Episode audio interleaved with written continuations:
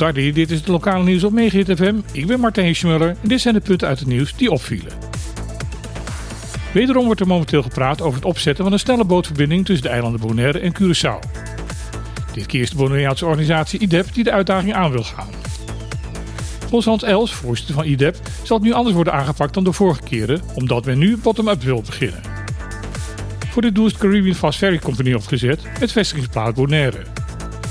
Er is nog geen boot beschikbaar voor de plannen, maar wel een ontwerp van een katamaran met een lengte van 33 meter. Hier kunnen 125 passagiers mee worden vervoerd, maar geen auto's en vrachtwagens. De initiatiefnemers zeggen dat de overtocht van pier tot pier drie uur zal gaan bedragen. Dat is opvallend lang, omdat een vergevorderd plan in 2016 sprak over een overtocht van pier tot pier van anderhalf uur.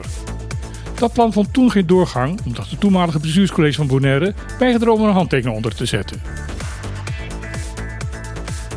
Hans Vase heeft afscheid genomen van de Classic Music Board Bonaire. Vase heeft de stichting als oprichter en voorzitter 13 jaar lang geleid. Voor zijn afscheid was een muziekshow op Chocobo Beach Resort georganiseerd. Tijdens de bijeenkomst werd dat Vaas door zijn passie het inspirerende hart was van de organisatie. Het voorzitterstokje wordt nu overgenomen door Esther Benabela. Er komt vanuit de Nederlandse overheid 20 miljoen euro beschikbaar voor het oplossen van de problematiek rondom de betaalbare huur- en koopwoningen binnen de BES. Daarvoor heeft de minister van Volkshuisvesting en Ruimtelijke Ordening, Hugo de Jonge, een brief gestuurd naar de Tweede Kamer. Het geld zal onder andere gebruikt gaan worden voor 465 sociale huurwoningen op de drie eilanden, 50 betaalbare koopwoningen op Bonaire en de renovatie van 100 huurwoningen op Sint Eustatius.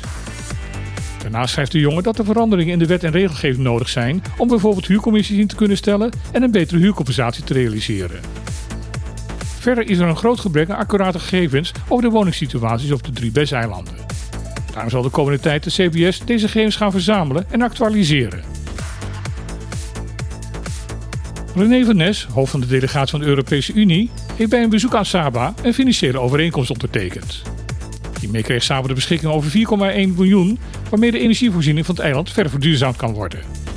Het geld is bedoeld om de aanleg van de infrastructuur voor hernieuwbare energie op Saba verder voor te kunnen zetten.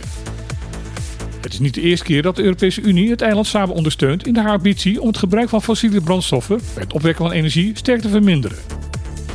Al eerder werd nabij het vliegveld een zonnepark aangelegd dat mede gefinancierd is door het Europese Ontwikkelingsfonds.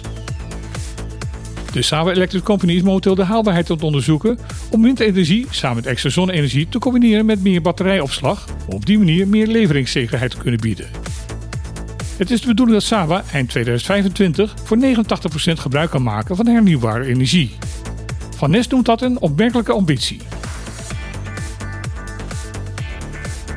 Dit was het laatste nieuwsbulletin van deze week op Megahit FM. Morgen is weer op deze zender van 12 tot 2 op te klippen vanuit Club Trocadero. Op dit moment is nog niet helemaal zeker wie de gasten zullen zijn. Dus kom naar Trocadero, dan praat jij met ons mee over de gebeurtenissen op Bonaire de afgelopen week.